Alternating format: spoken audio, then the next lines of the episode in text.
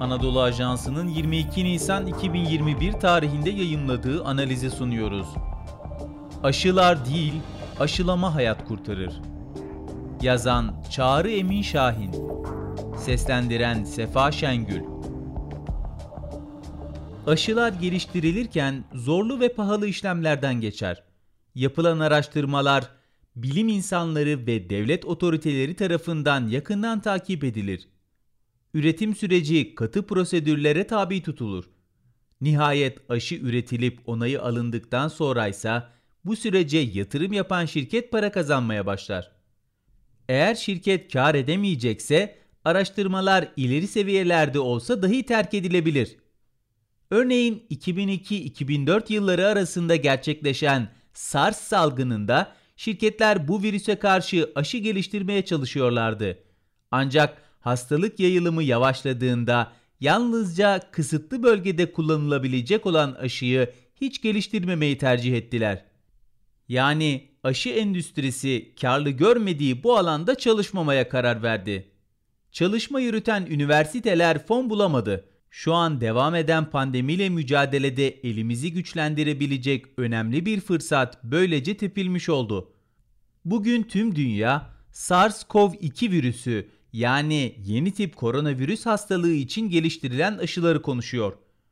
Öte yandan gelişmiş ülkelerin nüfuslarının 2-3 katı kadar aşıyı rezerve ederek stokçuluk yaptığı, birçok gelişmekte olan ülkenin ise hala aşıya erişemediği biliniyor.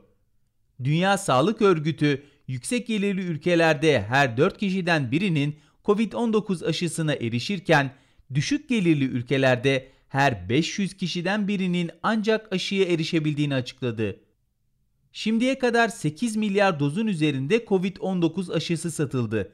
Bunların 4,5 milyarını yüksek gelirli, 2 milyarını orta gelirli ülkeler satın alırken düşük gelirli ülkeler ancak yarım milyar doz aşıya erişebildi.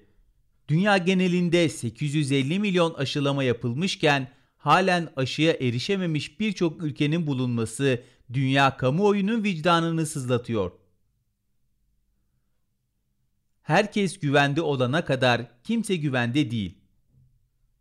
Küresel vicdanın ötesinde aşıya erişmek kadar kısa sürede risk altındaki insanlara yaygın şekilde aşıyı uygulamak da önem arz ediyor. Gerekli yaygınlık sağlanamazsa aşılar salgın kontrolünde bireysel korumadan öteye geçemiyor, yani toplumsal bağışıklık oluşmuyor. Oysa bir topluluğun en risklilerinden başlanarak belirli bir yüzdesini aşıladığınızda tamamını aşılamanıza gerek kalmadan virüsün yayılımı engellenebiliyor. Bu topluluk bir şehrin ahalisinden oluşabileceği gibi ülke nüfusundan da oluşabiliyor. Covid-19 pandemisinde ise tüm dünya bu topluluğun bir parçası. Bu duruma örnek olarak kızamık hastalığı verilebilir. Kızamık virüsü uzun yıllardan beri Avrupa'da nadiren görülüyor. Öyle ki zamanında çiçek virüsünün silinmesi gibi kızamık virüsünün de dünya üzerinden silinmesine kesin gözüyle bakılıyordu. Ancak dünyada aşıya erişemeyen toplulukların artması, hastalığın Avrupa'da da bağışıklığı sağlanamayan kişilere hızla yayılmasına ve vakaların 10 katına çıkmasına neden oldu. Aşılanan her birey aşısız bireyleri de koruyarak virüsle hassas kişiler arasında bir güvenlik duvarı oluşturuyor. Yani aslında herkes güvende olana kadar kimse güvende değil. Küresel ve kamusal bir mal olarak sağlık.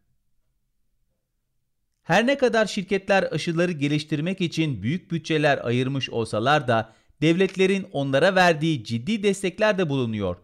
Örneğin BioNTech Pfizer aşısına 2,5 milyar dolar, Oxford AstraZeneca aşısına 1,7 milyar dolar, Moderna aşısına 2,48 milyar dolar ve Novavax Hindistan Serum Enstitüsü aşısına 2 milyar dolar desteğin devletler tarafından aşı geliştirme süreçlerinin hızlanması için verildiği biliniyor. Bu durumda şirketler bu bağış ve desteklerle uluslararası kurum ve kuruluşların teşvikleriyle geliştirdikleri aşılarını pazarlayıp kar ederlerken patent yasalarına sığınmaları pek de ahlaki görünmüyor. Hindistan ve Güney Afrika geçen ay düzenlenen Dünya Ticaret Örgütü toplantısında COVID-19 aşılarında Doha Deklarasyonu'na işaret ederek şirketlerin patent haklarından feragat etmeleri için teklifte bulundu.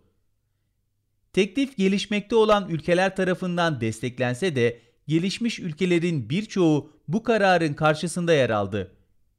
Teklife karşı olan ülkeler fikri mülkiyet hakkının korunmasının yeni gelişmeler için en gerekli husus olduğunu savunuyor. Tartışmalar bir yana pandemi olağanüstü koşullarda devam ediyor.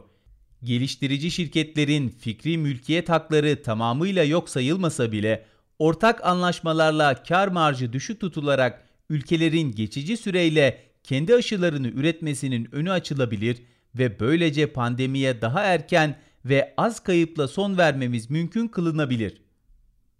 Türkiye'deki durum Ülkemiz vatandaşına en fazla aşı uygulayan ülkeler arasında 6. sırada yer alıyor. Aşıyı kendisi üretmeyen ülkeler arasındaysa uyguladığı aşı sayısıyla dünyanın lideri konumunda. Yerli aşı üretim çalışmalarımızdan Kayseri Erciyes Üniversitesi'nde geliştirilen ve faz 2 aşamasında olan ürünün fikri mülkiyet hakkı kamuya devredildi. Araştırma sorumlusu Profesör Doktor Aykut Özdarendeli, ülkemizde yürütülen ARGE çalışmalarına ayrılan payın artırılmasının kendisine yeteceğini belirtiyor. Özel şirketler için kar maksimizasyonunun vazgeçilmez olmasına karşılık herkesi etkileyen bir pandemi söz konusu olduğunda üretilen ilaç ve aşıların küresel kamu malı sayılarak halk sağlığının korunmasının teşvik edilmesi akla ve vicdana daha yatkın bir tutum. Bu sayede fakir ülkeler makul düzeylerde aşıya erişebilir, zengin ülkelerse vatandaşlarını hastalıklardan ve yeni önlemlerin ekonomik yıkımından koruyabilir.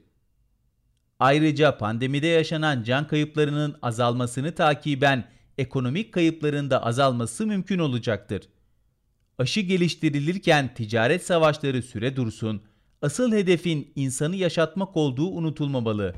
Zira Cerrahpaşa Tıp Fakültesi mezunu Profesör Doktor Moshe Arditi'nin bir röportajında dediği gibi aşılar değil, aşılama hayat kurtarır. Spotify, SoundCloud, Apple Podcast ve diğer uygulamalar. Bizi hangi mecradan dinliyorsanız lütfen abone olmayı unutmayın.